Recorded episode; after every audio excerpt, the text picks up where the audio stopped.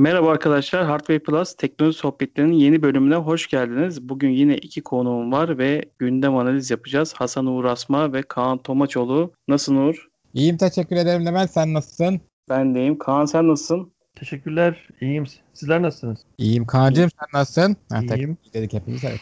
Şimdi muhtemelen inşallah da e, bu son yasaklı pazarımız olur. Kaydı biz pazar İnşallah. günü çekiyoruz. İnşallah. E, aşı- aşılama sevindirici bir şekilde çok artmış durumda ve insanların da büyük bir kısmı hızlıca aşılamalarına gidiyorlar. E, sayılar da vaka sayıları özellikle ölüm sayıları da çok çok düşmüş durumda. Bunlar sevindirici gelişmeler. İnşallah tamamen e, bu meretten kurtulacağız. İstiyorsanız hızlıca konularımıza geçelim. Geçmeden önce ben çok hızlı şekilde bu aşıyla alakalı minik bir hatırlatmak istiyorum. Tabii. Sevgili arkadaşlar biliyorsunuz dinliyorsunuz uzun zamandır ben sağlık sektöründe çalışıyorum. Lütfen aşılarınız olun. Ee, bu aşı karşıtlarının saçma sapan yalanlarını şey yapmayın. Pabuç bırakmayın. Aşı önemli. Hem şahsınız için önemli. Hem sevdikleriniz için hem de ülkemiz için önemli. Lütfen aşı olun. Aşılarda korkacak hiçbir şey yok. Hangisini seçerseniz seçin. Hangi teknolojiyle yapılmış olan aşı olursa olsun. Lütfen aşılarınız olun. Teşekkür ederim. Çok sağ ol Uğur. Güzel bir açıklama yaptın bize de. Hemen konularımıza geçelim. Ee, bu hafta Oppo'nun deneyim mağazası açıldı İstanbul'da. Açıkçası ben İstanbul'da oturan bir insanım. Ee, hiç haberim olmadı açılışla ilgili. Benim de. Twitter'dan ya da sosyal medyadan bir duyuru falan da yapıldığını görmedim. Sadece açıldıktan sonra Oppo'nun deneyim mağazasının resimleri ya da oraya giden kişilerle ilgili paylaşımlar görmeye başladım. Açıkçası Oppo gibi bir firmanın hani bunu niye böyle köpürterek ya da e, duyurarak yapmadı bende büyük soru işareti e, uyandırdı. Bayrampaşa Forum mağazasında e, açıldı. Çünkü hatırladığım kadarıyla Xiaomi'nin mağazası da var o, o AVM'nin içinde. Giden o bölgede oturan arkadaşlar gittiği zaman hem e, Oppo'nu deneyimleme şansı hem Xiaomi'yi deneyimleme şansını bulacak o noktada. E, Uğur sen de başlayalım. Sen İstanbul'da oturuyorsun benim gibi. E, bu konuda ne düşünüyorsun? Neden bizim haberimiz olmadan Oppo bir açılış yaptı? Valla ben de dediğim gibi yani bir de yakın bir zamanda gittim işin ilginci oraya. Ama ben dikkat etmedim yalan olmasın. Ben şeye çok şaşırdım. Ben de haberlerde duydum. Twitter'da falan biri paylaşmış. Aa işte şok oldum. Halbuki normalde şey e, Oppo yani Oppo Türkiye'ye önem veren bir şirket. Pek çok markasıyla Türkiye'de. Türkiye'de neticede üretim yapmak için de e, fabrika aradığına dair dedik. Fabrika var değil mi? Oppo üretim yapıyor mu? Başlayacak mıydı? Yani neticede Türkiye'de değer veren bir firma ama bir de böyle mağaza açılışları dediğin gibi hani mesela Xiaomi mağazaları biliyorsun böyle basın mensupları davet edildiler. İşte her biri neredeyse işte İzmir'de açıldı, şurada açıldı, şu her AVM'de açılana bir sürü böyle şenliklerle, indirimlerle falan kutlayarak böyle insanlar büyük haber yaparak bildirildi. Yani bu hiçbir yani hiçbir haber yapılmamış ya. Bir gram yok yani resmi açıklamadan. Oppo'nun ya da Oppo Türkiye'nin Twitter hesaplarından herhangi bir açıklama yoktu ben en son baktığımda. Bu yayına başlamadan önce de baktım. Ben bir şey göremedim. Hani siz gördüyseniz bir şey diyemeyeceğim de yeni yarada belki yabancı hesaplarından falan yapılmıştır diyeceğim. Ama yok.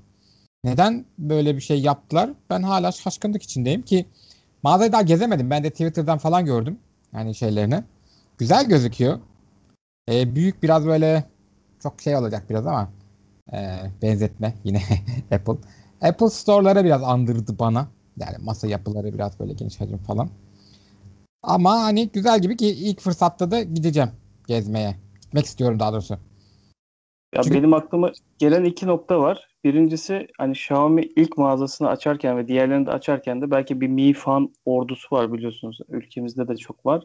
Hani onu güvendiği için mi bu kadar böyle şaşalı hediyeler, kuyruklar, uzun kuyruklar oluşmuştu. Hatırlıyorum Ankara'daki mağaza açılışında ya AVM'yi birkaç kez kapatmak zorunda kalmışlardı.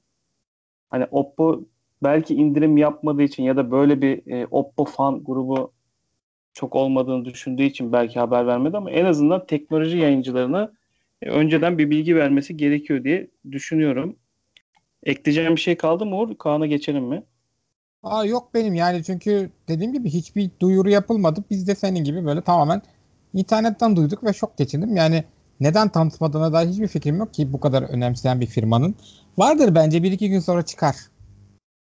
Ee, Belki ve daha büyük bir organizasyonla tekrar bir açılış yapabilirler. olabilir. Yani inşallah yalnız bu e, Xiaomi'nin dükkanlarında olduğu gibi güzel bir şeyler olur. Hani indirimler indirimleri kastediyorum. Yoksa açılmış bir deneyim mağazası olur sadece. Var öyle. Samsung açmıştı bir ara. Sonra kapattı. Evet, Bağdat Caddesi'nde açmıştı.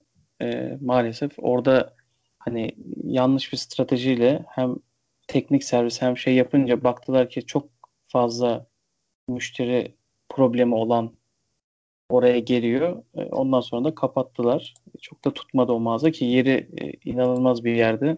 İstanbul'un tam göbeği diyebileceğimiz bir noktaydı.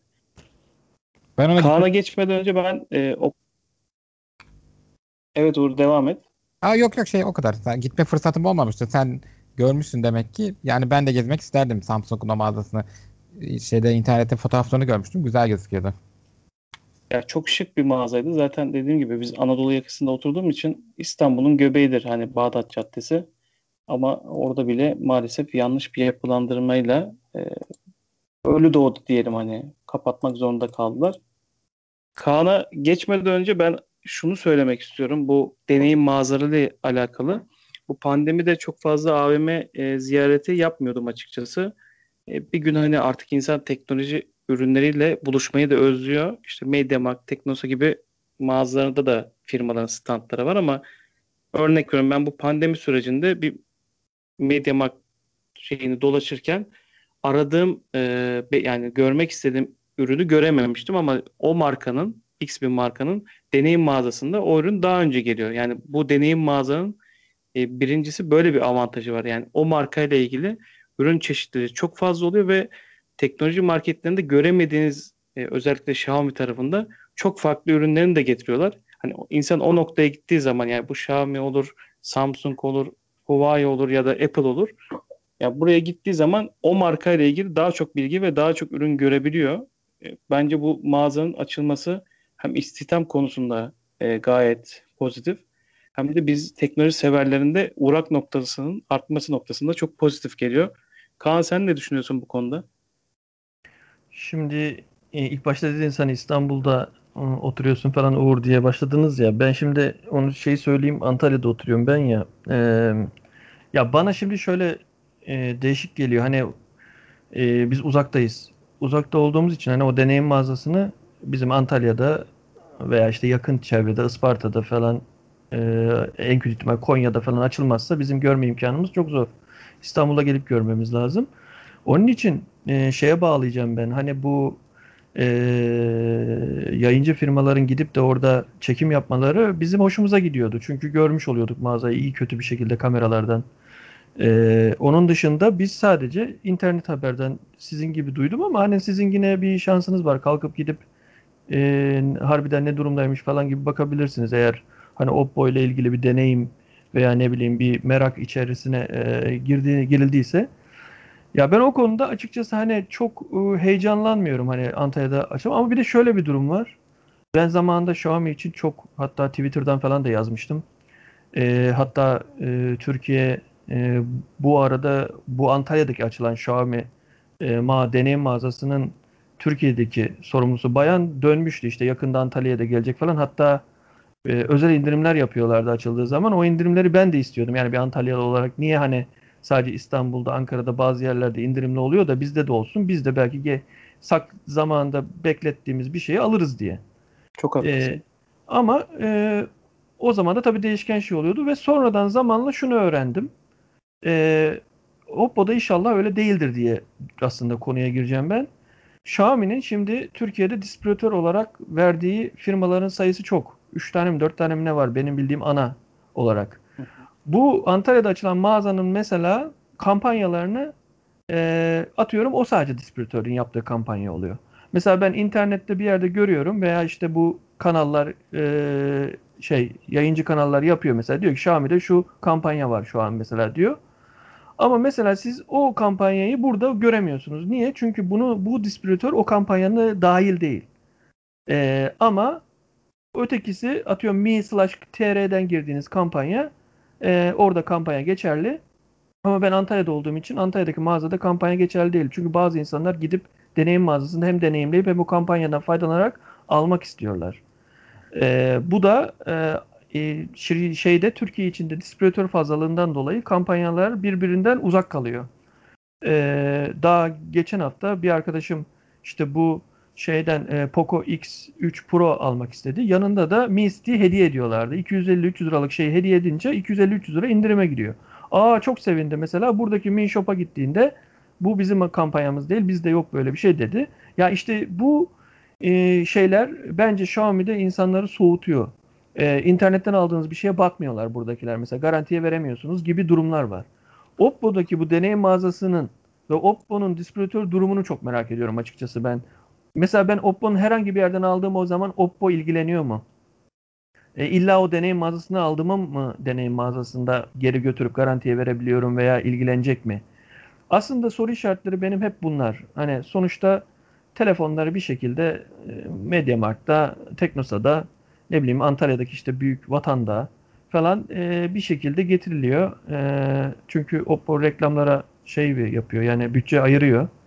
E, ayırdığı için de genelde böyle AVM'lerdeki bazı marketlerde şey olabiliyor. E, ürünler sergilenebiliyor. Bir şekilde görüyoruz telefonları. E, ama e, benim daha çok hep böyle şeydeyim ben. Hani genel istiyorum ben Türkiye içinde. Bir şeyi nereden alırsam alayım. Mesela Apple'da öyledir. Sen internet sitesine gir. Hepsi buradan bir tane Apple al. Türkiye garantili ise veya Samsung al. Türkiye garantili ise ben Antalya'da köşe başındaki Samsung'a Samsung'a gidip garantiye verebilirim. Gibi olmasını istiyorum aslında bu Çinlilerde ama bu Xiaomi'de böyle bir şey yarattı. İnşallah Oppo'da öyle değildir diyorum. Yani bu mağazayla ilgili açıkçası düşüncem bu benim. Çok haklısın. Yani bütün serzenişlerinde de çok haklısın. E, maalesef bu markanın nasıl baktığıyla ve marka bilinirliğine nasıl, ne kadar önem verdiğiyle alakalı. Yani bir Apple'ın bakış açısıyla Xiaomi'nin bakış açısı kesinlikle bir değil. Para gelirse, gelsin ama nasıl gelirse gelsin diyen bir anlayış var maalesef bu deneyim mağazaları açarken ya da distribütör seçerken. Bu da markaya bence zarar veriyor. Evet çünkü çevremde şimdi e, tabii ki telefonları e, hani teknolojiyle ilgilendiğimiz için telefonları soruyorlar çevremdeki insanlar ne alayım ne yapayım falan diye. Ya şimdi tamam mesela Xiaomi'nin şu an e, X3 Pro'su çok fiyat performans telefonu. Hemen öneriyorum. Gidin alın diyorum. 3500 alıp bir şey alacaksanız hiç gözünüz e, arkaya kalmaz diyorum. Gidin alın. 860'lı ne bileyim 8 GB RAM'li 256 hafızalı yani alırsınız bayağı bir kullanırsınız falan diyorum yani. Tam FP e, şeyi. E, ama ilk sorduğu şey ya ben bunu aldım ya mesela bozuldu da nereye vereceğim?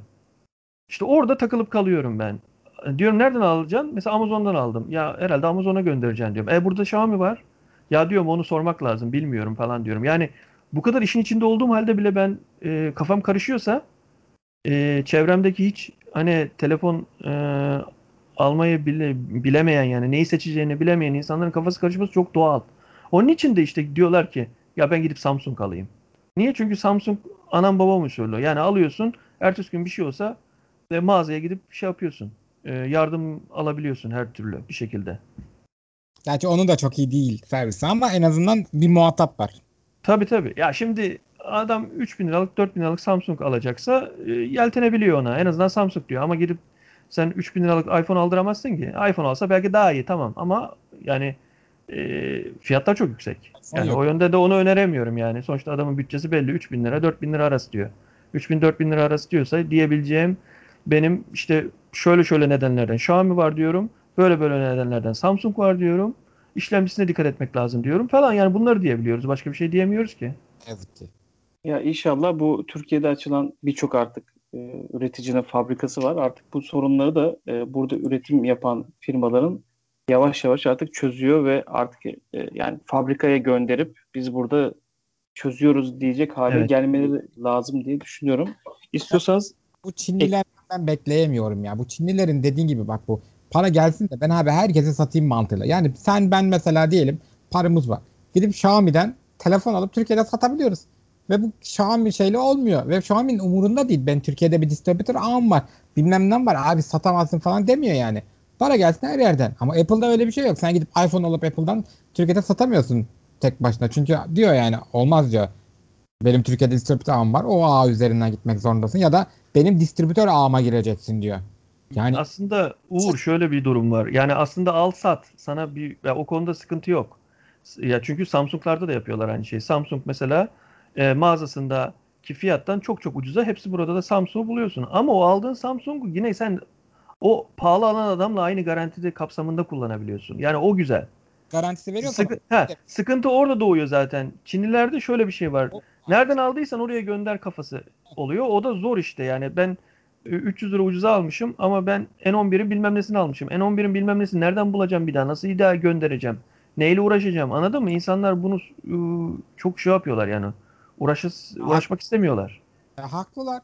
Sen çok güzel telefon yapıyorsun belki tamam ama böyle bir şey yüzünden insanlar almıyorlar ki almasınlar da bence yani. Artı ben bu Xiaomi'nin bu o kadar fabrika açtı, deneyim mağazası açtı. Bir tane mesela orada sürekli Ersin abi söylüyor. Bir tane C-level yönetici gelmedi yani. Yani Apple'ın burada kaç tanesi geldi? Tim Cook bile Ya, geldi yani Türkiye'ye. İşte biraz da şeyden oluyor gibi geliyor bana. Yani bilmiyorum tabii bunu ben kanıtlayamam ama hani şimdi 300 dolara ya da 200 dolara bir telefon alıyorsun. Adam belki de onun servisliğinin olmamasını istiyor. Yani 200 dolarlık telefon at diyor yenisini al kafası. Ama bu Türkiye'de doların 8,5 lira olduğu, vergilerin olduğu bir durumda e, ben bunu at yenisini al diyemiyorum yani. E, ben bunu tamir ettirmek zorunda kalıyorum. O arayışa giriyorum. E, ama belki Çinli üretirken bir Avrupa ülkesi için düşünüyorsa ediyordur 200 euroluk şey aldı bozulduysa atsın yenisini alsın falan gibi mi düşünüyor bilmiyorum yani hiç servis ağı işte ben Türkiye'nin içinde satılan bütün Xiaomi'lerin veya Oppo'ların veya başka bir markanın hepsini e, şey ne olursa olsun o bizim garantimizdedir. Hep, garantisi biziz diyemiyorlar. Ben ona kızıyorum. Demiyorlar ya da. Tamam Öyle istiyorsanız ikinci konumuza geçelim. Ee, Okey. bir zamanların özellikle son zamanlarda 2017'den itibaren e, kripto para borsasından çok tanıdıkları John McAfee daha öncesinden de e, meşhur antivirüs e, yazılımıyla alakalı e, bu camianın teknoloji camiasının içinde olan e, John McAfee Barcelona'daki hücresinde e, ölü bulundu. İntihar e, olduğu söyleniyor. Ancak tabii bu, burada da John McAfee çok renkli bir kişilik olduğu için özellikle 2017'den sonraki koşullarını e, düşünürsek hani birçok kripto para şeyiyle ilgili e, bu pump dump yani yükseliş ya da düşüş şeylerinde parmağının olduğu biliniyordu. Onu herkes takip ediyordu. Bir tweet attı. Şu para çok yükseldi. Hatta bunların arkasında da belli firmalardan o kripto paraları çıkartan firmalardan belli paralar aldığı falan ortaya çıkmıştı. E, ölü bulununca da tabii önceki açıklamalarına gidip e, şunu hatırlıyoruz. John McAfee bir gün intihar ettiğim duyulursa emin olun e, bunu benim üstüme yıkmaya çalışan e, birileri vardır. Ben kesinlikle intihar etmem de demiş biriydi. Tabii şu an intihar haberi ve ölü bulunduğu haberini alınca da in- insanların kafasında büyük soru işaretleri oluyor. Kaan senle devam edelim. Bu konuda düşüncelerin neler? Ya şimdi e, ben bunu tabii şeyle ilgili pek e, bu Bitcoin'le falan ilgili pek şeyim e, bilgim yok da e, ben çocukluğumuzdaki e, virüs yazılımı olarak ben tanıyordum bu e, şeyi vatandaşı daha doğrusu şeyi e, McAfee ismini. Ya o zaman tabii çocukluğumuzdaki işte bilgisayarcı e, yanında yardım ederek, çalışarak, ederek geçtiğim geçtirdiğim vakitlerde e, o zaman e, kurduğumuz bir antivirüs yazılımıydı. Yani o zamandan biliyorum ben e, şeyi. E, yani o zamandan bize dokunan bir durumu var. E, tabii ki e, şey çocukluğumuzdan kalan bir şey olduğu için de e, şey oluyor hani insan e, değdiği için bize o şekilde e, üzülebiliyor, şey yapabiliyor. Ama sonradan tabii anlatılana göre ya bu zaten değişik bir adam. Çok zehir gibi bir kafası olan bir adam. E, yazılımcı. Aynı zamanda şey e, ya öyle bir durum var ki sanki böyle hani e, nasıl diyeyim derin devlet falan böyle oralara bulaşmış biri gibi. Hani e, ne bileyim yani hani bayağı bir şey biliyor gibi sanki. Bu bizim işte e, şey muhabbeti gibi. E, bu 8. video, 9. 10. video muhabbetleri var ya onun gibi sanki bir adam. E, yani o kadar para e, kazanmış zamanında harcamış e, eğlenceye harcamış, onu harcamış, bunu harcamış, deli gibi harcamış. E, ama sonuçta yine halen daha en son öldüğünde 4-5 bin e, milyon doları vardı herhalde. E, yani yine e, kötü değil yani A- bayağı parası olan bir adam. Yani 44 milyon doları varmış en son öldüğünde. şu an öldüğünde mi? Ha ben 4-5 Hala- sanıyordum. 44 müymüş? Hala Yani yani bana şey geliyor hani e, böyle tweet atarak da işte şey hatta bir söylem var galiba. Bir yeni çıkan coin'e e, çıkartan e, patron ya da CEO'suna işte a, böyle bir konuşması varmış herhalde. Tam ben dinlemedim ama e, işte istersen tweet atıp 10 dolara kadar yükseltirim falan. Ya gibi. işte dediğim gibi 2017'de bunları çok yapıyordu. Hatta ondan sonra da hani şu anda yapan kişiler var biliyorsunuz. Bir, bir anda piyasayı sarsan. Ee, yani 2017'de yaptıklarının ceremesi sonra bütün hayatı boyunca neredeyse kaçmaya başladı. Ya zaten Hatta, hatta şöyle de bir bizimle alakalı e, bağlantısı var. İspanya'dan İstanbul'a gelecekken yakalandı. Interpol İspanya'da Hmm, yakalamıştı. evet, Böyle öyleydi. de bir enteresan bir.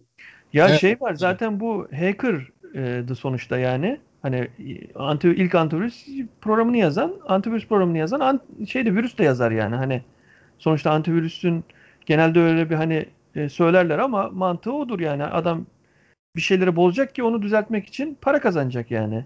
E, bu da hani beyaz hacker dersin, siyah hacker dersin artık hangi şapka taktığı önemli değil bu adamın. Hani sonuçta bir ileri düzey bilgisayar e, kullanım seviyesi var yani hani e, onun için de e, bu demek ki bu siyasi anlamda e, bir bir şeyler biliyor ne bileyim bir şeyleri iyi ya da kötü e, değiştirmeye çalışıyor ve bu da onun önüne engel oluyor. Ve en son senin dediğin gibi de dövme bile yaptırmış yani. Muhtemelen demek ki bekliyor hani.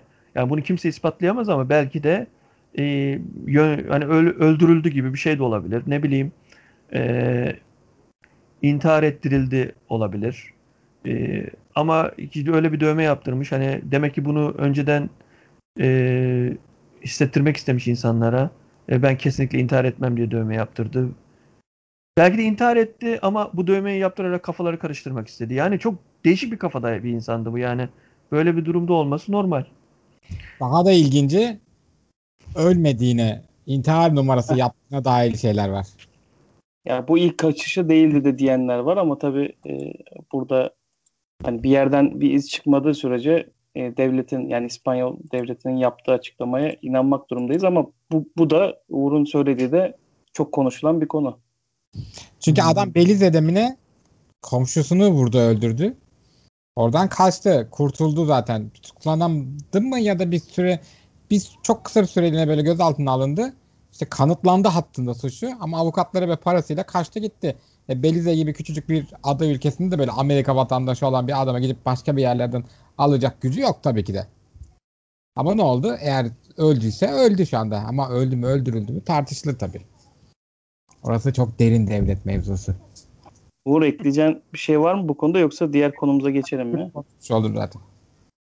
Tamam. E, şimdiki konumuz iPhone 12 e, mini üretiminin durdurulduğu haberi. E, ülkemizde de çokça e, satıldığını düşündüğümüz hatta küçük ekranı seven birçok kişinin e, daha iyi deneyim için hani bir de ülkemizdeki fiyatları düşünürseniz e, çok tercih ettiği bir modeldi. Artık bunun arkasında iPhone 11 stoğu mu var ya da iPhone 12'ler istedikleri randımanla satılmıyor durumu mu var? Açıkçası iki Apple kullanıcısı var yayınımızda. Onlar konu daha detaylı bilgiye sahiplerdir diye düşünüyorum. Uğur sen de devam edelim. Ne diyorsun bu konu hakkında? Valla ben duyunca şaşırdım. Ee, Türkiye'de belki insanlar ucuz olduğu için başta düşündüler. Hatta Amerika'da falan da bir sürü insan böyle bu harika. Yani hatta en iyisi bu bence falan dediler. Bir sürü yayıncı. Hatta buna Faruk iPhone'da da dahil. İşte bu en muhteşem, en işte performansı bilmem nesi falan. İşte tek elle ulaşabiliyorum falan ama gerçek hayatta baktığın zaman hepsi bunlar diyen herkes iPhone 12 Pro Max kullanıyorlar. iPhone 12 mini'yi ekstra telefon olarak falan kullanıyorlar yani. Neticede bu da demektir ki herkes büyük ekran istiyor. Herkes demeyelim de çoğunluk diyelim hani. Ki Android dünyasında da büyük ekran şeyi var olduğuna göre demek ki insanların çoğu büyük ekran seviyorlar ve büyük ekran istiyorlar. Dinleyicilerimiz de bunu şey muhtemelen onaylayacaklardır. Ha tamam bir kesim var gerçekten. Minik ekran isteyen büyük bir kesim de var gerçekten. E, Türkiye'de bunun çok satıyor gibi gözükmesi ya da bizim sattığını düşünmemizin sebebi çünkü fiyatı en ucuz olanı. Yani iPhone 11 mi o mu diyeceğin zaman en yeni teknolojide alabileceğin en ucuz oydu. Valla ben şaşırdım çünkü hani çok satıyor diyorlardı değil mi? Bu çıkan haberlerde falan. Hı hı. Ama bir Apple'ı bildiğimize göre geçmişten de Apple asla çok satan bir ürünü durdurmaz. Demek ki satmıyor bir ürün. Satmıyor ki durdurmuş. Apple asla satan bir ürünü durdurmaz. Başka ürünü satsın diye. Çünkü Apple ona göre planlar. Der ki tamam onu satmıyorum ama bundan kazanırım ben. Neticede ona göre kar marjı bırakıyor ya. Adam hiçbir şekilde kaybetmez hiçbir yerden. Demek ki satmıyordu. Yani Apple böyle bir amaç yapıyorsa satmıyor demektir bu. Türkiye gibi çok fakir ülkelerde belki satıyordur doğru. Ama demek ki genel dünyanın şeyine baktığında demek ki istenildiği kadar satmıyor ki bu kadar erken vaziyette durdurması satmadığını göstergesidir. Çünkü iPhone 5C yine bu şekilde çok hızlı şekilde durdurulan bir telefondu. Hani hatırlarsınız bu renkli plastik kasa 5S çıktığı zaman çıkmıştı. Hı hı. Yani o da mesela böyle şey ucuz olsun iPhone falan gençlere hitap etsin dedi ama tutmadı mesela. Çok hızlı şekilde daha bir 6. ayında falan durdurdu üretimi. Bunu da kaç ay oldu işte? Ekim desek. Ekim, Kasım, Aralık, Ocak, Şubat, Mart, Nisan, Mayıs, Haziran, Temmuz işte 8-9 ay olmuş yani. Hatta iyi bile dayanmış. Yakında iPhone 13'lerin productları başlayacak, üretimleri başlamıştır bile. Ya da artık 12S adı ne olacaksa. Yani bence şeye yönlendiriyorlar hani. Demek ki insanların çoğu ya Pro alıyorlar. Muhtemelen ya 12 Pro Max'e yöneliyorlar. Ya da 12 alıyorlar. 12 Pro'nun bile ben çok sattığını düşünmüyorum. Yani Ya- ya 12 alıyorsun ya Pro Max alıyorsun. Çünkü 12 ile 12 Pro arasında öyle dağlar kadar büyük bir fark yok. Ha tamam üçüncü kameranın farkı tabii ki de var ama yani o kamera farkı dışında bir fark yok yani. Adamlar o kadar güzel yaptılar ki böyle bütün her şeyi aynı koyuyor. Küçük küçük farklar var. Diyor işte sen hangisini istiyorsan onu al. Yani çoğu insanda görüyorum ya 12 Pro Max alıyorlar ya da 12 alıyorlar. Yani o yüzden bence 12'nin kurbanı olduğunu düşünüyorum. Çünkü yani yanlış hatırlamıyorsam fiyatları biri 13 12'ler 12 13 civarındaydı. O da 11 10 11 bin lira civarındaydı. Yani 10 bin 10 bin 11 bini çıkan insan 1000 lira daha çıkar bir şekilde ve 12'lere geçti insanlar. Çok özel spesifik olarak küçük ekran istemiyorsa. Ve ne oldu da zaten gördük yani. Ben çoğu insanda ya 12 Pro Max görüyorum ya da 12 görüyorum. 12 Pro'yu bile çok görmüyorum yani çevremde. Tamam. Ya ben as- aslında dediğin gibi yani iPhone kendi ayağına sıkacak bir firma değil ama hani total şeye baktığın zaman insanlar 12 mini en büyük avantajını şöyle diyorlardı. Ekran hani kısılmamış, işlemciyi kısmamışlar hani mini diye, daha ucuz diye. Yani aynı donanımı e, daha küçük ekranla sana sunabiliyor. Bunu tercih et diye çok insanlar hani bunu ön plana çıkartmıştı. Hani burada 3'ün 5'in bence Apple hesabını yapacak bir firma değil. Hani ya ben işte diğerinden bir 100 dolar daha fazla kazanıyorum. İkisi de neredeyse aynı donanım. Hani bundan az kar marjı yapıyorum. E, bunu kapatayım diyecek bir bakış açılarının olduğunu düşünmüyorum. Kaan sen ne düşünüyorsun bu konu hakkında? Yok öyle düşünürler yani. 3'ün 5'in hesabını yapan bir firma Apple ya. Adam Şimdi hesaplamış. şöyle söyleyeyim ben iPhone 12'ler içinde e, aslında e, 12 mini çok güzel telefon da e, sizin de dediğiniz gibi bence e, bazı nedenlerden dolayı satmadı. E, zaten ben bir yerde okuduydum. E, şu ana kadar 12 serisinin içinde iPhone 12 %6 e, ya ulaşmış. Ya iPhone 12 mini %6'ya ulaşmış. Yani %94 diğer modeller satmış. Ee, bunun da çoğunu iPhone 12 alıyor. Başı götürüyor. Ee, iPhone 12 Pro e, genelde e, şey e, bayanlar ve influencerlar. E, 12 Pro Max'i genelde şey e, erkek e, ağırlıklı e, ve influencerlar alıyor genelde. Hani şey yapıyorlar. Yani daha doğrusu parası olanlar diyeyim. Parası olanlar hani e, onun için 12 mini hani biraz daha böyle ya şeyin kurbanı oldu gibi 12 mini aslında. Aslında 12 mini'nin bataryası e, iyiydi. E, aslında e, testlerde falan kullananlar da söylüyordu. iPhone 11 ile iPhone 12'ye yakın gidiyordu. E, daha doğrusu iPhone 11 ile hemen hemen aynı gidiyordu. Ama ilk başta 11'in e, Türkiye'de 7200 civarlarında bulunması E, o zaman iPhone mini'nin 10 bin lira civarlarında olmasıyla aradaki 2800 liranın farkı herkes 11 alıyordu. Hem büyük diyordu hem bataryası çok gider diyordu. E, niye mini alayım diyordu. Ama sonradan e, insanlar zamanla e, işte YouTube kanallarında falan deneyimleyenler edenler falan ya işte 11 kadar gidiyor bataryası hem 12 hem e, 11'de işte IPS ekran var ötekinde OLED var işte e, işlemcisi Bionic 14 e, RAM yüksek e, ondan sonra e, diğer 12 veya 12 Pro'dan çok fazla bir farkı yok falan gibi değmeye başladıkça insanlar 12 mini biraz satılmaya başladı. 11 yerine 12 mini'yi tercih edenler çıkmaya başladı. Ama tabii bu muhtemelen e, bu az satılmasını önüne geçemedi. E, bir de ben şeye vuruyorum ya bu 12 yani Apple hani şey, şeyi konuştunuz ya hayatta çok sattığını veya az sattığına göre şey yapmaz diye. E, ben de öyle düşünüyorum yani çok sattığı bir şeyi önünü kesmez Apple ama şöyle bir durum olduğunu düşünüyorum bu 12 minde. E, zaten az satıyor. E, biz buna e, o Bionic 14 koyuyoruz. A14 Bionic. Bu A14 Bionic'i çok satana koyalım. Zaten e, bir sıkıntı var. İşlemci sıkıntısı da var bu ara şeyde. Hem pandemi hem şu su şeyi bilmem nesi problemi. Biz ona koyup üreteceğimize 12'ye, 12 Pro'ya, 12 Pro Max'e koyalım. Daha çok üretelim gibisinden sanki bana bir şey yaptılar gibi geliyor bana. Ee, yol çizdiler.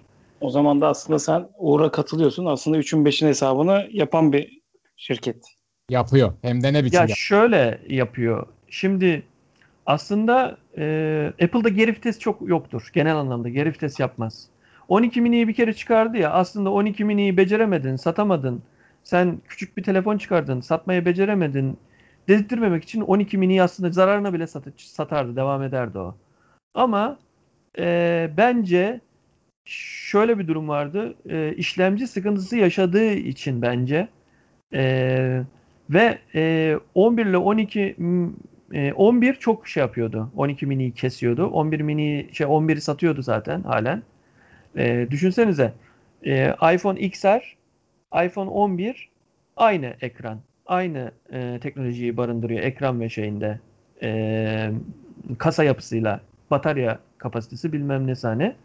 Sadece birinde Bionic A Bionic 12 Bionic var, birinde 13 var.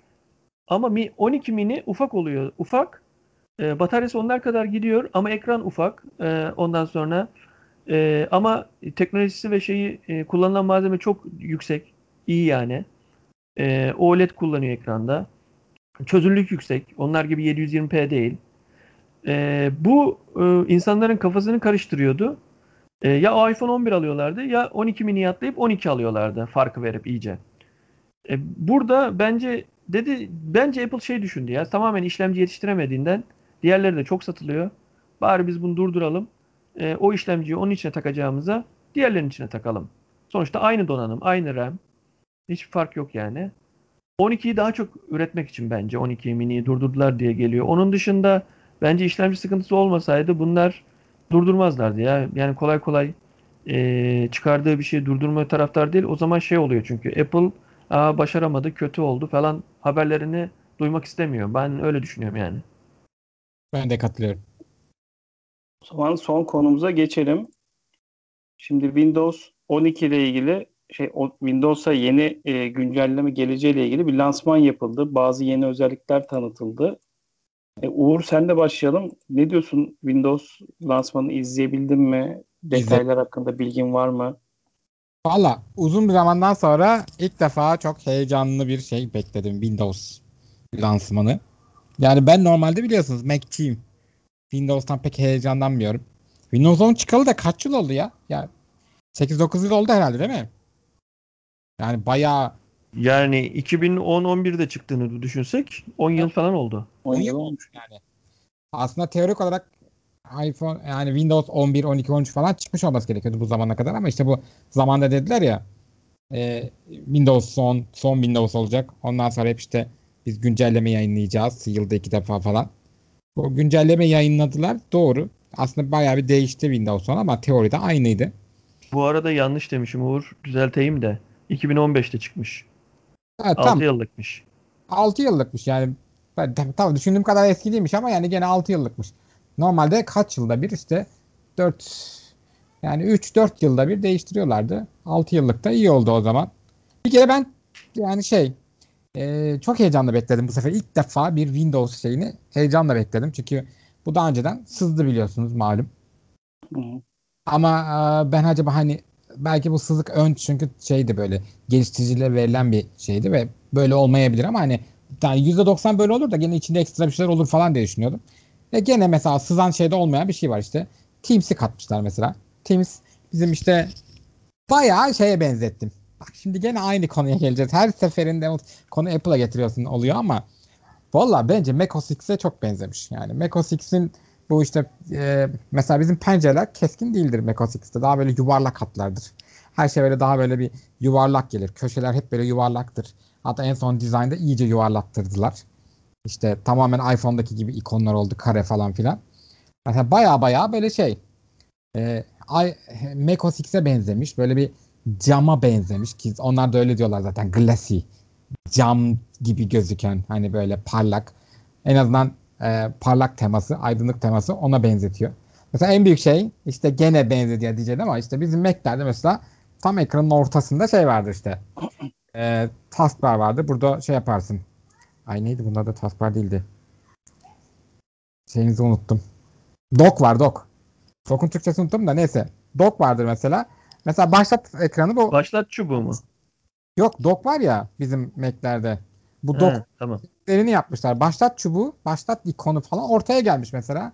Bu bence çok güzel. Bu niye güzel diyeceksin? Mac'e benzediği için falan değil. Mesela şimdi çoğunuz tabii laptop falan kullanıyorsun ama masaüstü kullanan da çoktur muhtemelen. Masaüstülerde bu mesela yeni yeni ekranlar var. Bayağı geniş mesela böyle. Ee, bayağı işte kaç onlar herhalde? 32'ye 9 falan oluyorlar sanırım. İşte bu 21.9'dan başladılar. İşte 27.9'lar çıkmaya başladı. İşte 32'ler falan var böyle bayağı ge- geniş bir ekran. Mesela o ekranda düşündüğün zaman mesela bence çok kötü oluyordu. Birkaç tane kullanan kişi görmüştüm mesela gerçekten. Ya da iki ekran kullandığın zaman ta en solda kalıyordu. Ya şimdi sen ortaya bakıyorsun. Sağ ve sollar o kadar genişledi ki artık böyle 2-3 ekran kullanan insanlarda en sola bakmak bence zordu. İşte Mac'in orada mesela avantajı var. Mac daha böyle bir çoklu monitör kullanmaya daha müsait bir şey yapısı var. Çünkü her şey ortada. Senin baktığın noktada kalır. Diğer bütün ekranları kullanabilirsin tabii evet ama hani her şey ortada kalır. Bunda da öyle yapmışlar. Bu çoklu ekran mevzusuna hem de zaten bahsetmek için girdim.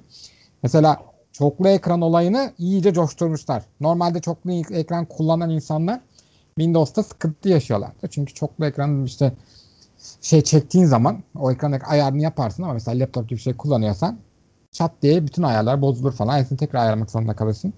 O açtığın her şey küçük ekranı doluşur. Laptop kullanıyorsan. Ama mesela Mac'lerde öyle değildir. Mac taktığın zaman zaten şey ekran olarak onu farklı bir masaüstü olarak gördüğü için onu ayrı paylaşır ve o her şey orada kalır. Yani hiçbir şey sonradan toplaşıp tek bir ekrana falan sıkışmaz. Şeye gelir. Dock'taki ikon pencerelerine küçültür kendini. Sen hiçbir şekilde bir e, kalabalığın içerisine düşmezsin. Yani bütün o açtığın her şey, bütün çalışmaların böyle bir anda minnacık böyle sıkışıp paket haline gelmez. Hepsi böyle küçük küçük kendi şeylerine gelirler. Çok daha düzenli bir çalışma ortamı vardır ve tekrar taktığın zaman da tekrar açabilirsin. Buna benzer bir şey yapmışlar mesela. Hatta daha da iyisini yapmışlar. Mac'te mesela otomatik hatırlamıyor bıraktığın yerleri. Bu iddialarına göre diyor ki sen şimdi işte bu harici ekran taktın. Orada bir sürü şey açtın. Sonra ben bunları yaptığım zaman yine aynı bu taskbar'daki ikonlara küçülecek ve sen tekrar monitörü taktığın zaman aynı yerden kaldığın yerden hatırlayacak ve aynı o pencereler, uygulamalar senin ayarladığın gibi kalacak orada. Bu bence müthiş bir şey. Bir de bir teknoloji gelmiş. Bu Direct Storage deniyor sanırım. Bu bence büyük bir olay. Ama bu ayrıntılarına girdiğimde biraz hoşuma gitmeyen şeyler gördüm. O ayrı. Mesela bu şeyler de Xbox Series X ve Series S'te ve de PlayStation 5'te mesela işte bu DirectX onda var. Bu Direct Storage. Yani bu SSD'den oyunları falan çok hızlı şekilde çalıştırma teknolojisi. Bunu işte şeye getirdiler. PC'lere gel- geldi. Ama ama diyor ki e, NIV NVA olacak diyor. MNVA olacak diyor. Son teknoloji. Muhtemelen de DDR4 desteği şey e, neydi o bağlantı portunun adını unuttum. Hani hafızaları sokulduğu anakartın üzerinde. Express. Bir şey Express. O işte o Express bağlantılı olan en son çıkan HD SSD'lerden olacak. NVMe SSD ve de minimum 1 terabayt olmasını istiyor. Bunu çalıştırabilmesi için. Yani aslında teorik olarak şu andaki piyasadaki çoğu bilgisayar bunu çalıştıramayacak. Kuracaksın belki ama bu O- o- teknoloji çalışmayacak. Orada bence bir yanlışlık var ya Uğur. Yok. Mesela sistem gereksinimlerinde mesela diyor ki Yok yok doğru senin dediğin doğru okuduğun veya dinlediğin şeyler doğru da herkes öyle söylüyor da ama bana şey gibi geliyor ya orada bir geri vites yapacaklar herhalde ya çünkü Evet, yapamaz ama dediği şey gerçekten bu teknolojileri barındırıyor işte. ama PCI şey diyor PCI Ryzen 4 gerektiriyor çünkü bu teknolojinin olabilmesi için. Yeni konsolların hepsinde PCI Express 4 SSD'ler var. Ya şimdi Ryzen 1000'ler gidiyor dediğine göre ondan sonra e, bu Yok Intel'in işte- in- Intel'in işle, işlemcilerde şey gidiyor.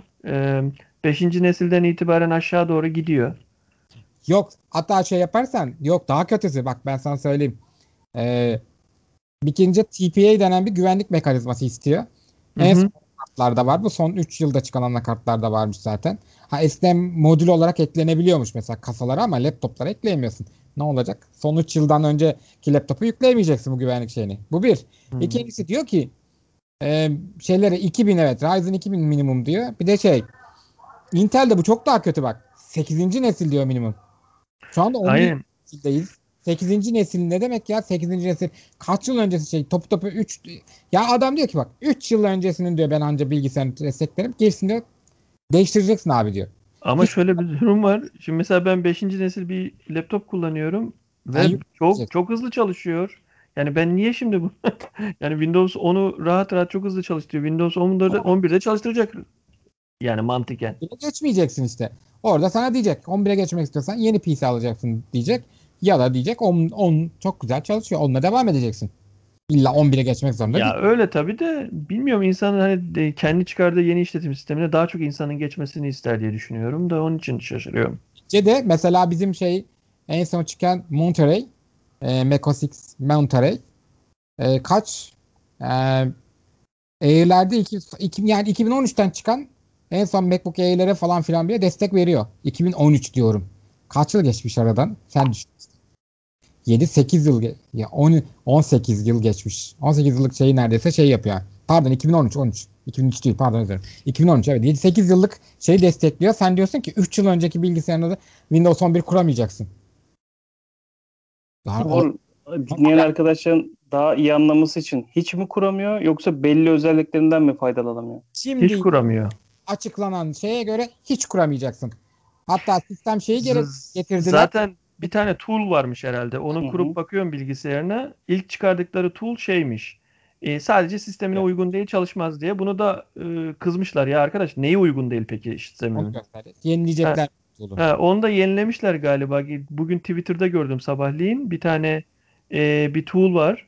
Bu tool'u yüklersen sana her şeyini söylüyor. CPU'un mu yetersiz, şu mu yetersiz, hangisi yetersiz olduğunu söylüyor. Ama şöyle bir durum da var. Çoğu bilgisayar zaten bütünleşik sistemler desktop dışında.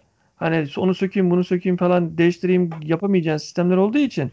E zaten CPU desteklemiyorsa sen o laptopu zaten CPU'sunu değiştirmezsin ki. Yani Tabii. hani Hiç kuramayacaksın. Şu anda görünene göre hiç kuramıyorsun. Hani böyle kurdun ama şunlar şunlar olmayacak diye bir şey yok. Mesela bazı şeylerde var. Mesela işte benim 2015 MacBook Pro'm var. Mesela ben Monterey'i kurabiliyorum. Ama şey kuramıyorum.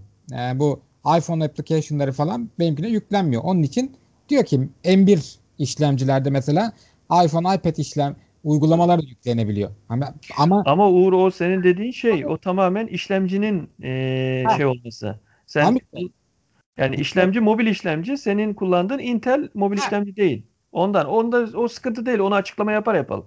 Ama Ya, benim bildiğim şu an 2013 model istiyor. eee 2013 model eee, sizin şeyden Mac'ler MacBook'lar 2013 model bile en son şey güncellemeyi alıyor şu an herhalde. evet 7 Monterey yıllık 2013'ten 7 yıllık aynen 7 yıllık laptoplar bile alıyor. Ve late falan değil. 2013 early'ler alıyor yani. 2013'ün başında çıkan MacBook Air'ler, MacBook Pro'lar, Mac Mini'ler falan hepsi alıyor. Doğal olarak Mac Pro'lar alıyor yani. iMac'ler Peki alıyor. Uğur başka farklı özellik olarak neler geldi Windows yeni gelecek güncellemeye? Valla minik minik şeyler haricinde en büyük bahsedilenler bunlardı.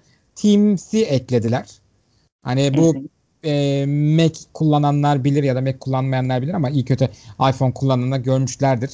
Bizim bütün app ekosistemle FaceTime. konuşabilmesi için FaceTime diye bir uygulamamız var.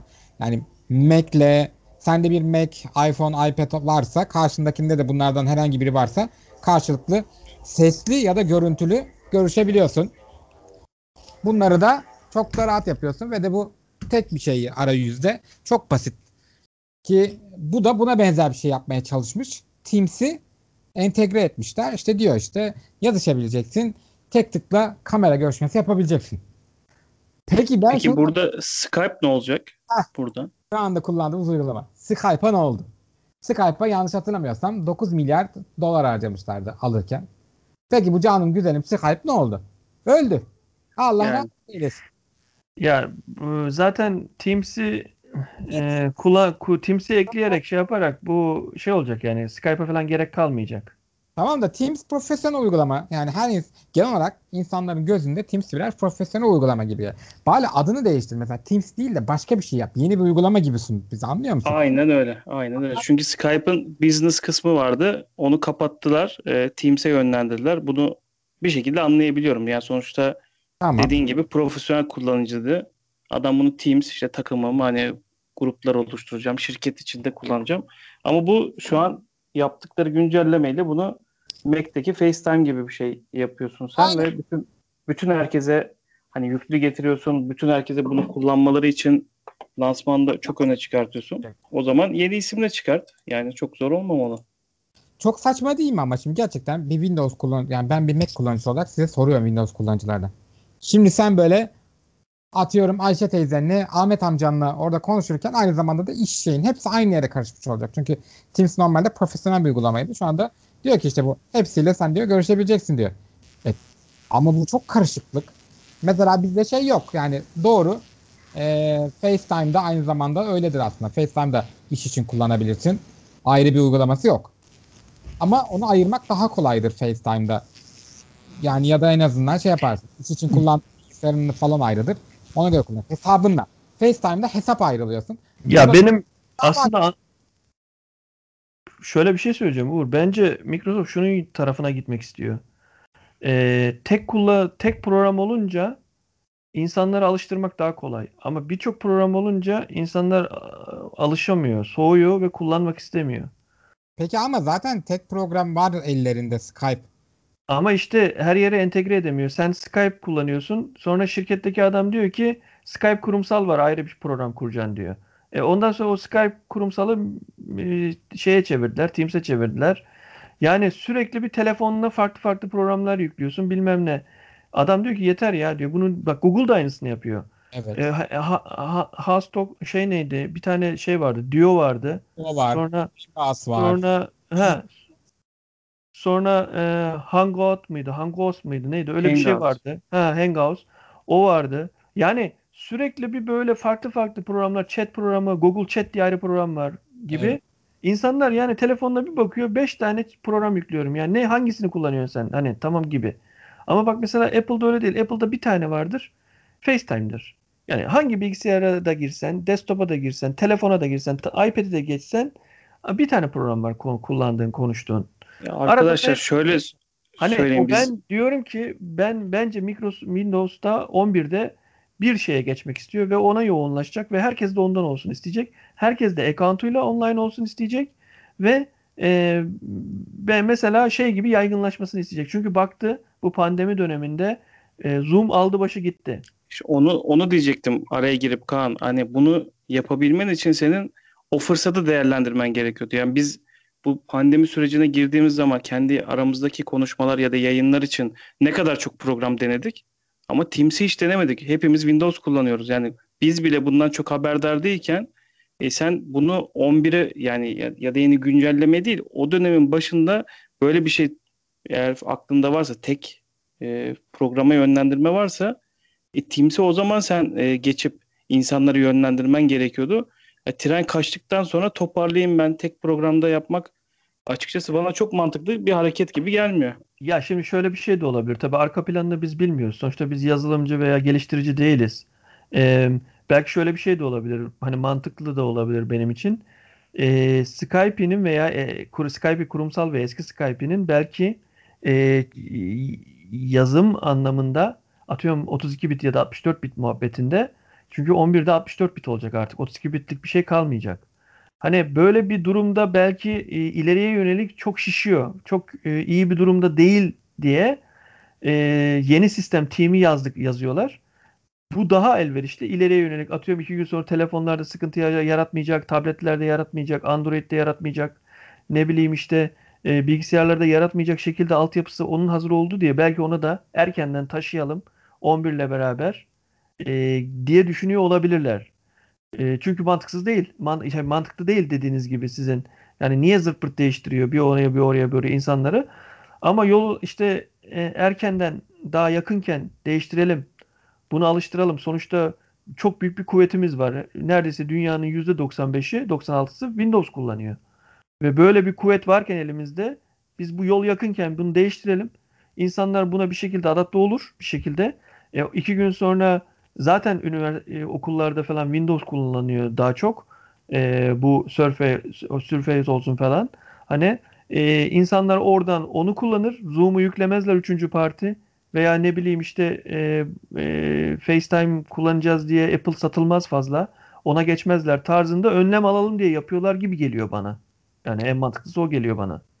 Ya burada tabii Apple'ın bunu belki de öngörerek FaceTime'ı e, browser üzerinden çalıştırması, Androidçileri de içine çekmesi Tabii, ya da tabii. browser üzerinden kullanması da iyi bir adım diye düşünüyorum. Hani o tarafı da kaçırmamak için. Bir de bildiğim kadarıyla yenilik olarak e, bu emülatör olmaksızın ya da içinde yüklü gelecek APK dosyalarını e, yeni Windows güncellemesiyle e, çalıştırabileceğiz. E, Kaan bu konuda bilgin varsa detayları senden alalım. Ee, şimdi şöyle söyleyeyim ben eskiden bir ara Intel tabletler e, vardı. Daha doğrusu şöyle Intel işlemcili Android kurulmuş tabletler vardı.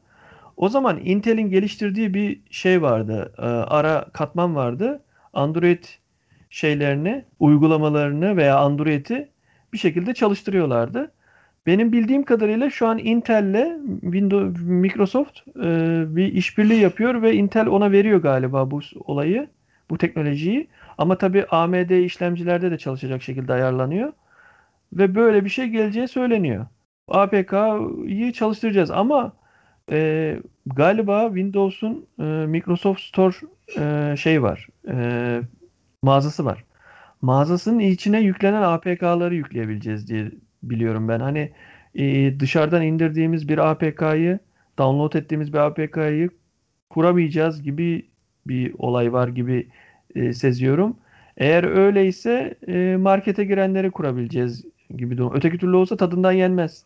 Düşünsenize Windows'a e, bir ton e, emülatörsüz APK yüklenebilir. A, ama odada da şöyle bir durum var. Mesela ben mouse'la klavyeyle bir oyun oynarken diyorum diyelim ki şeyde yani telefonla oynanan bir oyunda aynen server'a telefonla girenle aramızdaki şey nasıl olacak acaba? Hani bunu ayırt edecek ayırt edecek şeyi verecekler de server'a server şey yapacak mı? E, bu Windows'tan geldi. Windows'tan geldiği için ayrı bir server alalım. Telefonlarla oynamasın. Böylece rekabet e, problemi çıkmasın diye düşünecekler mi? Onu da tabii bilemiyorum. Yani yaşayıp göreceğiz. Açıkçası orada çok bir ayrım yapabileceklerini düşünmüyorum. Çünkü şu anda emülatör bir şekilde yüklü gelmiyor ama Windows'a yüklenerek e, emülatör kullanabiliyor insanlar. E, orada da aynı oyunu aynı server üzerinden oynuyorlar diye biliyorum. Yani normal telefondan giriyormuşsun gibi emülatörle bağlanıp oynayabiliyorsun. Uğur e, şu an konuştuğumuz bu emülatör konusunda senin e, aktarmak istediğin detaylar var mı? Biz açıkçası bu Windows Store kısmında olacak APK'ların e, kurulup oynanabileceğini düşünüyoruz ama tabii Windows ya da Android dediğimiz zaman e, biraz böyle açık kaynağa doğru kayıyoruz. Çünkü bir şekilde bir çözüm yolu bulunup bir şey bir şeyler yüklenip e, ya hatta Windows'un kendisi bile yüklenip e, kullanılabiliyor. Bir çözüm bulunabiliyor. Android'de de bir şekilde APK'larda çözüm bulunuyor. Sen bu konuda ne diyorsun? Şimdi e, Windows'un yani Microsoft'un kendi açıklamasına göre normal APK çalışmıyor arkadaşlar. Bir kere baştan onu söyleyeyim. Sorry. Bu e, Intel'le Intel'in geliştirdiği bir teknoloji. E, Microsoft Intel'le çok yakın çalışmış ve şey yapmışlar. Bu emülatör tarzı bir şey gelişiyor. Hani şu anda bizim M1 işlemcilerde x86 şeyler çalışsın diye arkada Rosetta çalışıyor ya Rosetta 2. Buna benzer bir emülatör tarzı bir yapı çalışıyor. Ama burada da kiminle anlaşmışlar? Intel burada kiminle çalışıyordu en başında? Amazon. Burada da Amazon'la anlaşmışlar. Amazon'un Android Marketplace'ini Windows Marketplace'in içine entegre etmişler. Yani sadece ve sadece Amazon Marketplace'in içerisindeki Android uygulamalarını Windows'un içerisinde natif olarak çalıştırabileceksiniz. Ha tabii ki de az önce Kaan'ın bahsettiği atıyorum bir oyun oynuyorsun. Bu oyunun içerisindeki server senin kullandığın istemci client'ın adı Windows olarak mı gidecek? Bir, bu bir Windows makinede mi kullanıyor? Yoksa bu bir tablet ya da telefon diye mi gidecek? Orası meçhul. Ama mantıken, teorik olarak bunun Windows olarak gitmesi lazım. Çünkü anlaşılmış bu ona şey yapıyor. Bir de bunları indirebilmek için Amazon hesabınızın da olması gerekiyor. Yani bir tane de o Amazon Android market hesabınız olacak ki önce Microsoft Office aman Microsoft mağazasından online olacaksınız. Microsoft mağazasından bir tane Android uygulamasını indirmek istediğin zaman da gideceksin Amazon Marketplace'e ulaşacaksın. O seni Amazon Marketplace'e indir gönderecek. Amazon Marketplace hesabını falan girip orada online olduktan sonra da o uygulamayı indireceksin ve gerçekten de native olarak arada senin farkında olmadan native değil de native native diyoruz da bu şey demek arkadaşlar yani o makinede özel olarak yazılmış uygulama demek. Port edilmiş ya da şey demek değil. Hani izleyici, hani dinleyicilerimize söylüyorum. Belki bilmeyen vardır. Yani sanki Windows'un kendi uygulaması gibi çalışacak. En azından sistem kaynaklarını o şekilde kullanacak. Bu da demektir ki bana bunu çağrıştırıyor. Yalnız bu benim düşüncem, kendi görüşüm. Bu da demektir ki karşıdaki client olarak bu bir Windows makine diyecek. Çünkü native kelimesi geçtiği için burada teorik olarak ben bu öyle düşünürüm. Yoksa der ki bu bir emülatör çalıştıracak. Bu Intel'in geliştirdiği bir şey. Arkada küçük emülatör var bir yazılım çalışıyor. Kodları çeviriyor. 86'nın anlayacağı şeyleri çeviriyor. ARM kodlarını. Çünkü neticede APK dosyaları ARM işlemcilerde çalışmak için tasarlanmış uygulamalar. Sadece onu çeviriyor. Ama uygulama kendini bir Windows PC'de çalışıyormuş gibi anlaması lazım. Çünkü native diyor. Ha, ne var? Her Windows kullanıcısının Amazon hesabı var mı? Yok. Amazon hesabının Amazon Market'in Türkiye'de bir şey var mı? Bildiğim kadarıyla yok. Çünkü Amazon'un tabletleri, Amazon'un bu arada e, kendi tabletleri var. Fire olması lazım adları. O Fire tabletler sadece Amerika'da satılıyor. Birkaç Avrupa ülkesinde olması lazım. Bunlar içinde de normal Android markete ulaşamıyorsun. Kendi özel bir Android marketi var. Tabii ki de bu Google Apple Google Play Store'daki tüm uygulamalar yok. Sadece belli uygulamalar var ama bütün muhtemelen muhtemelen büyük uygulamaların hepsi vardır. Varmış. En azından TikTok, TikTok gösterdi. TikTok'u şey yaparsınız, çalıştırırsınız işte en kötü ihtimalle. Ama vardır yani. En azından Disney Plus'ın falan şeyini gördük. Uygulaması var demek ki. En azından Hulu Mulu gözüktü. Spotify gözüktü orada. Tamamen şeyde ben fotoğraflarda falan gördüklerimi söylüyorum. Demek ki ana büyük uygulamaların çoğu var. Bunlar sanki bir bilgisayarda, sanki bir tablete çalışıyormuş gibi normal Windows PC'nizde çalıştıracaksınız ve de bu pencere şeyini de destekleyecek. Ha, ama benim merak ettiğim konu şu. Şimdi native native diyor ve doğal olarak sistem kaynaklarını kullanacak. Ama mesela uygulamalarda diyelim bir oyun oynuyorsun. Ama oyunda kumanda desteği yok. Ve bu oyunda kumanda desteği yoksa, kontrolcü ya da klavye desteği yoksa dokunmatik arayüzden oynamak zorundasın. Ve senin bilgisayarında eğer dokunmatik ekran yoksa bu oyunu oynayamayacaksın demektir. Ve tabii bu oyunun da şeyde olması lazım. Amazon Apple Store'unda olması lazım. Amazon Android App Store'unda olan uygulamalara sadece var. Girip de bakmadım yalan olmasın şimdi. Amazon App Store'unda ne kadar çok uygulama var diye ama bayağı varmış. Ben size şöyle bir şey söyleyeyim mi? Ee, bir soru sorayım mı? Şöyle bir durum var. Düşünsenize bir APK dışarıdan yüklenemez dedik ya Uğur. Öyle iddia ediyorlar. He. Ama sence bir Windows'ta veya bir hani Android'de de dışarıdan APK yüklenemez şey vardır aslında. Ee, ama dersin ki izin ver dersin. Ben yüklemek istiyorum dersin. Şeyler benimdir dersin yüklersin. Belki de Windows'ta da atıyorum bir şekilde belki ileride APK yüklenebilecek duruma gelecek. Gelir muhtemelen. Ee, gelirse düşünsenize bu birçok telefonlarda markette olmayan ama çok güzel iş yapan APK'lar vardır. Şimdi e, söylemeyeyim ne olduklarını. Bu APK'ların Windows'ta çalıştığını düşünsenize. Emülatörsüz. Bence onları zaten çalıştırmanın bir yolunu kurarlar. Neticede şimdi bu yazılan Intel'in yazdığı şey Amazon'la çalıştığı için Amazon'un şeyini seni gönderiyor. Yani sen onu kırıp ya da mesela o uygulamanın geldiği yeri Amazon Marketplace gösterebilirsin bir şekilde. Neticede bu linkler olarak çalışıyor. Karşıdakini oranın başka ya APK dükkanı yaparsın ve bunu kod yazarsın, bir şey yaparsın, eklersin o sistemi. Dersin ki bu Amazon'un ama marketplace'i. Onu nereden anlayacak yazılım değil mi netice itibariyle? Yazılımda sınırsızdır son olasılıklar. Her türlü şey yapabilirsin. Donanımda sınırların vardır. Çünkü fiziksel dünyanın sınırlarına çarpıyorsun. Ama yazılım dünyasında öyle bir şey yok. Yani Kaan da, da biliyor. Ya aslında Yapılır şöyle bence. bir durum, şöyle bir durum var. Mesela bazı e, illegal olan ama insanların e, onsuz yapamayan e, bazı şeyler var. Platformlar var mesela. E, bunlar da genelde hep APK olarak daha çok şey vardır. Yani Android'de çok daha kolay bulunur, kolay yaparsın. E, Windows'ta bile zorlanırsın. Yani Windows'ta bile yoktur e, öyle programlar yazılmaz. Ne bileyim işte web sitesinden gireyim çalıştırayım olmaz. E, ve onun için de mecburen e, Windows'a emülatör kurup herhangi bir Android telefonmuş gibi gösterip e, o APK'ları kuraraktan insanlar kullanıyor. Atıyorum televizyona yansıtıp kullanır veya başka şekilde kullanır. Bir şekilde kullanıyor ya da bilgisayardan izliyorsa izliyor. E, bunun önü de açılmış oluyor aslında. Çünkü şöyle bir durum var. E, yazılımcılar doğal olarak Windows'a yazmayıp APK olarak e, Android e, telefonlarda veya tabletlerde kullansın diye o tarafa yazmayı daha çok tercih ediyorlar. Para kazanmadıkları halde düşünsene para kazanmıyorlar ama bir gelir şey yok ama yine de o tarafta yazmak istiyorlar. Çünkü niye? Daha çok kullanıcıya ulaşıyorlar. E, bir süre sonra onun içindeki yaptığı reklamlardan daha çok gelir kazanıyorlar veya daha çok kendilerini tanıtıyorlar. Bak ben bunu başarabiliyorum diye ama Windows'ta yapmıyorlar. Çünkü Windows'ta yapsalar bir şekilde engellenmesi daha kolay oluyor. E, daha bir şey oluyor. Peki ben hep aklıma şöyle bir soru geliyor. Windows'ta eğer o dışarıdan download edip kurduğumuz APK'yı çalıştırabilirsek ki ve emülatör gibi çalıştırmayıp kaynak az yiyip ve daha basit mesela herkes emülatör yükleyip o APK yüklemeyi yapamıyor çoğu insan ama e- Exe'yi çalıştırır gibi tıklar tıklayıp çalışır gibi APK kurabilir duruma gelirse bir Windows'ta e, bence işler çok değişecek gibi geliyor bana. Şu Bu online platformlar- zaten ama dükkan. Hatta Microsoft istemiyor dışarıdan artık dışarıdan hatta Exe bile istemiyor. Diyor ki benim marketimden indireceksin. Ya Benim Notepad bile. Notepad bile indiriliyor artık herhalde anladığım Evet. Modpad'i kaldırmışlar. e, Paint'i kaldırmışlar.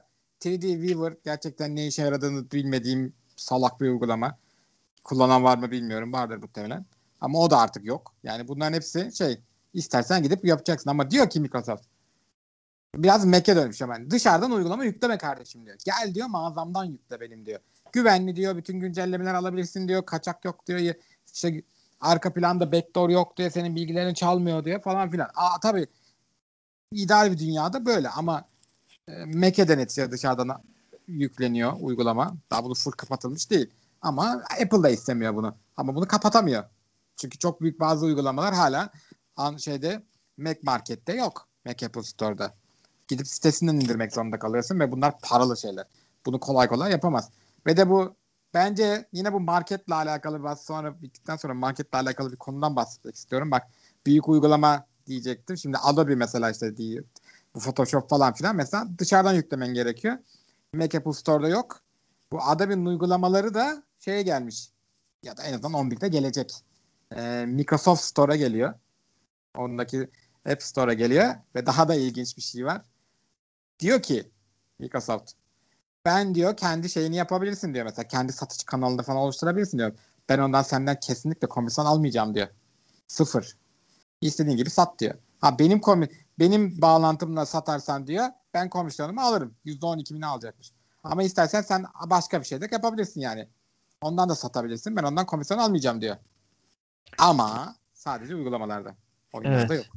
Evet oyunlardan alacak. Yoksa o zaman Apple'ın olayına düşecek mahkeme olayı. Mahkeme olayına karışmak istemiyor mu- muhtemelen. Müdahil de olmak istemiyor. Çünkü bunu açıkladığı zaman önce oyunları açıklamamıştı. Böyle hiçbir şey almayacağım dedi. Epic Games böyle o işte bu harika bir falan filan gibisinden bir şey attı. işte tebrik etti. Bir tweet attı. Sonra cart diye şey geldi böyle işte. Ama oyunlardan alacağım. Sonra Epic Store tabii biraz şey oldu.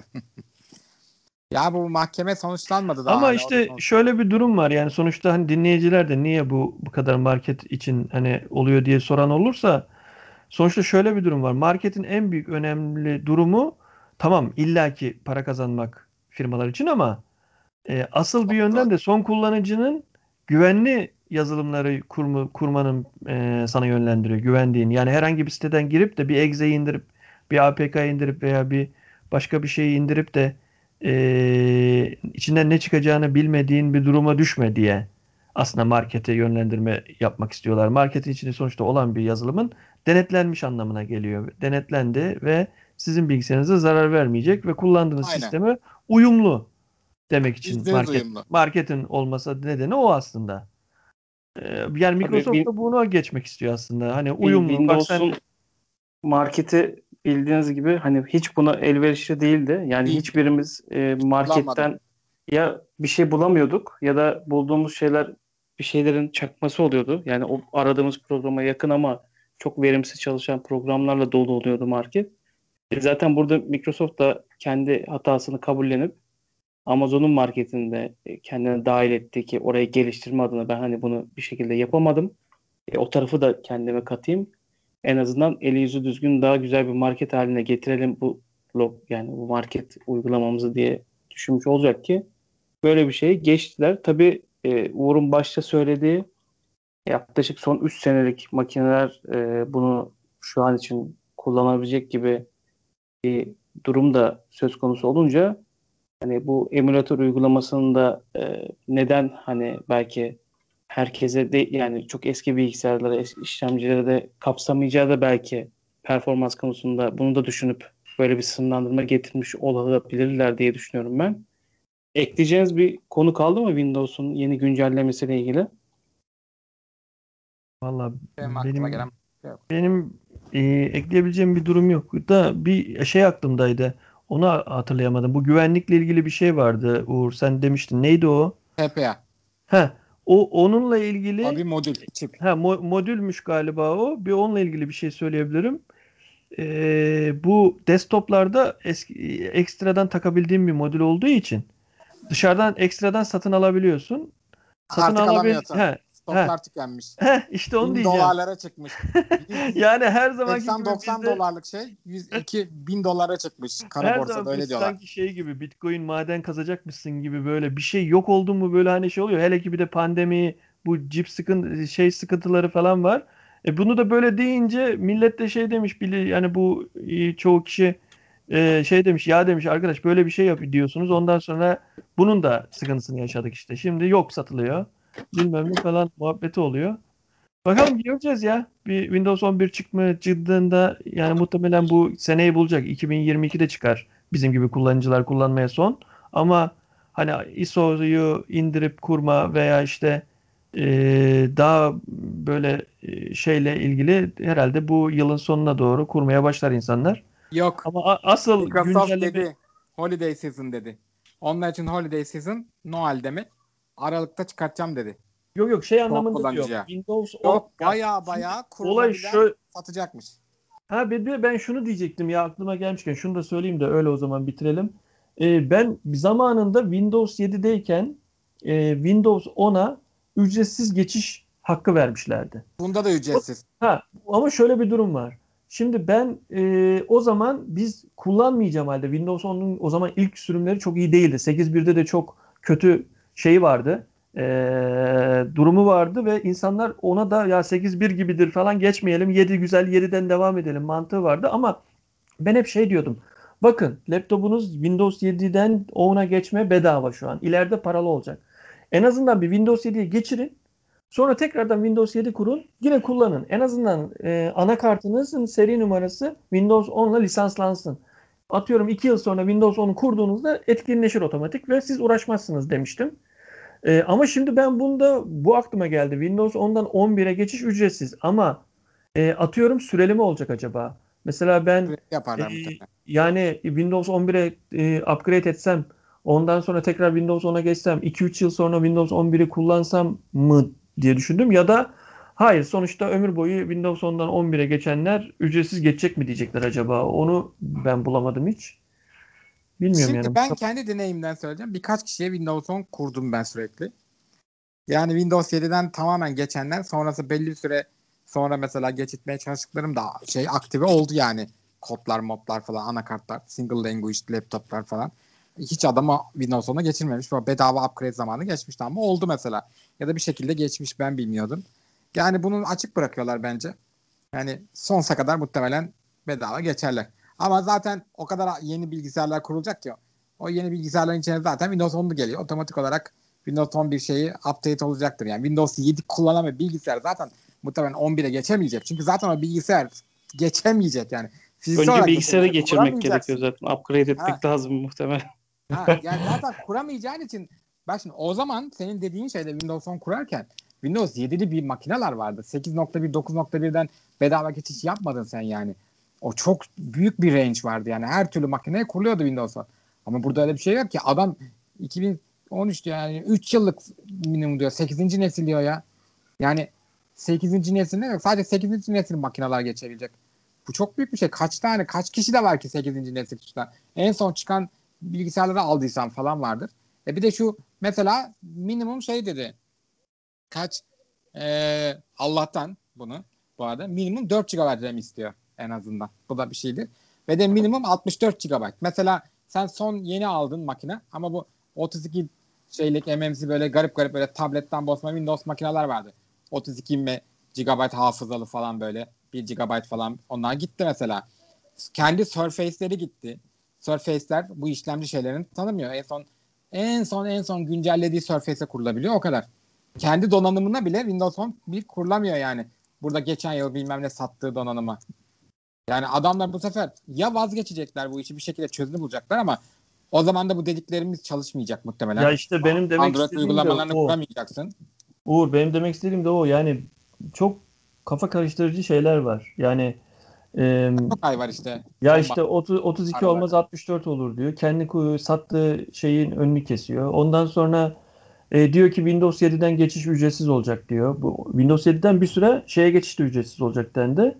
Sonra ona Windows 10'dan geçiş ücretsiz olacak dendi. Yani e, ya çıkıp da şöyle güzelce demiyor arkadaş. Bu bu bu bu bu, bu demiyor yani. Hani çok değişik bir olay Kötü ya. bir- Bilemedim. sunumdu zaten ya. Çok sıkıcı, çok kötü bir sunumdu. Yani bir kere mesela çok kötü bir şey oldu bak. Ben yıllardır Apple sunumunu izledim. Apple sunumu milyonlarca insan izliyor. Kabul edelim bak şimdi. Kullansın kullanmasın. Apple sunumlara her zaman ilgi uyandırmıştır ve milyonlarca da yayıncı bunu alıp yayınlıyor. Ve şey Apple sunumlarında hiç doğru dürüst siz donduğunu hiç duydunuz mu? Server'ından kaynaklı yani. Apple'ın serverları yetmediği için yapamadığına dair. Bir kere Twitter'dan sunum yapmak ne, ne gerizekalılık. Böyle bir şey mi var lan? Twitter'dan yaptılar. YouTube'dan yapmadılar. Bir de kendi sitelerinden yaptılar. Kendi sitelerinden izlemeye çalışan insanlar birkaç yayıncıdan izledim çünkü ben. Bayağı dondu izlemedi insanlar. Twitter'a geçmek zorunda kaldılar. Yani bunu bile başaramıyorsun. Sen bir sunum yapıyorsun. Sunum serverların yetmiyor ya da internet şeyin yetmiyor. Bunu kendi sitenden yapamıyorsun. Yayının donuyor. Yayın yapamıyorsun yani. Bu rezillikler var ki sen düzgün bilgi açıklamalarını bekliyorsun yani. Neyse Microsoft şey gibi Türk devleti gibi ya da Türkler gibi böyle. Neydi o? Şey bir şey Yol yolda düzülüyor. kervanla düzülür. Kervan yolda düzüler hesabı yavaş yavaş açıklayacak hepsini. Ki Tamam. ben Apple gibi cins bir yani Apple mesela bir şey açıklar. Hayatta da ondan vazgeçmez mesela. Der ki mesela işte bu özellik sadece M1'dedir. Diğer mark şey getirmez. Ama nedendir? Bunun mantığını açıklar. Ben öyle istiyorum canın istedi öyle yaptım demez. Der ki işte mesela bu sadece M1 için hani M1 kapasitesi var. İşte mesela işte şey dediğim gibi işte iPhone app uygulamaları falan sadece M1'lerde çalışıyor. Çünkü o da ARM o da ARM. Hani bunun mantığını sana söylüyor. Sen diyorsun ha tamam. Evet ben yeni Monterey'in tüm özelliklerini kullanabiliyorum ama onu kullanamıyorum. Mantığını anlıyorsun. Kabulleniyorsun. Ama bunun mantıklarını anlatmıyorlar sana. Böyle diyor. Ve bundan bence kesin vazgeçecekler. Bak ben Microsoft'un bu kadar şeyini görürsem kesin vazgeçeceğini düşünüyorum. Bence bayağı düşük makinelere bile kurulabilecek. Ya da bunu alıp kıracaklar. Ya da ben, bence falan aktif edecekler. Kurabileceğiz. şu da olabilir. Bazı özellikler hani full Kırparlar. versiyonda hani şu şu şu gereksinim üstü olduğu için bir paket ayarlarlar. O, o, o özellikleri olmayanları da farklı bir bak- geçiş olarak eski bilgisayarlar için düzenleme O zaman da Zaten iPhone 10'un üzerine skin pack giydirilmiş gibi olur işte. Başka hiçbir anlamı olmaz. aynen öyle olur. Bütün geliştirmelerin çünkü hepsi üst donanım gerektiriyor. O işte güvenlik bilmem nesini gerektiriyor. Zaten onun dışında bir özelliği özelliği yok. Mesela işte Android şeylerini kuramıyorsun. E, bir anlamı kaldı o zaman. Windows 11'e geçmenin. Vallahi yıllarca çok, fa- çok farklı Windows'lar kullandım ya ben 3.1'den beri Windows kullanıcısıyım. Hani öyle Windows'lar gördük ki dediğin gibi sadece tema paketi gibi değişiklikler de oldu. Yani simgeler değişmiş diye çok sevindiğimizi hatırlıyorum. E, başlat çubuğu geldiği zaman ne kadar heyecanlandığımızı hatırlıyorum. Ya bu neymiş? Evet, bu nasıl 8'den bir 8 gelişme? birdenine geldi. Ay. Yani hani o 8 ya. onun için Ah. Windows güncellemelerinden açıkçası ben çok şey beklemiyordum. Bu sefer vaat ettiği güzel özellikler var.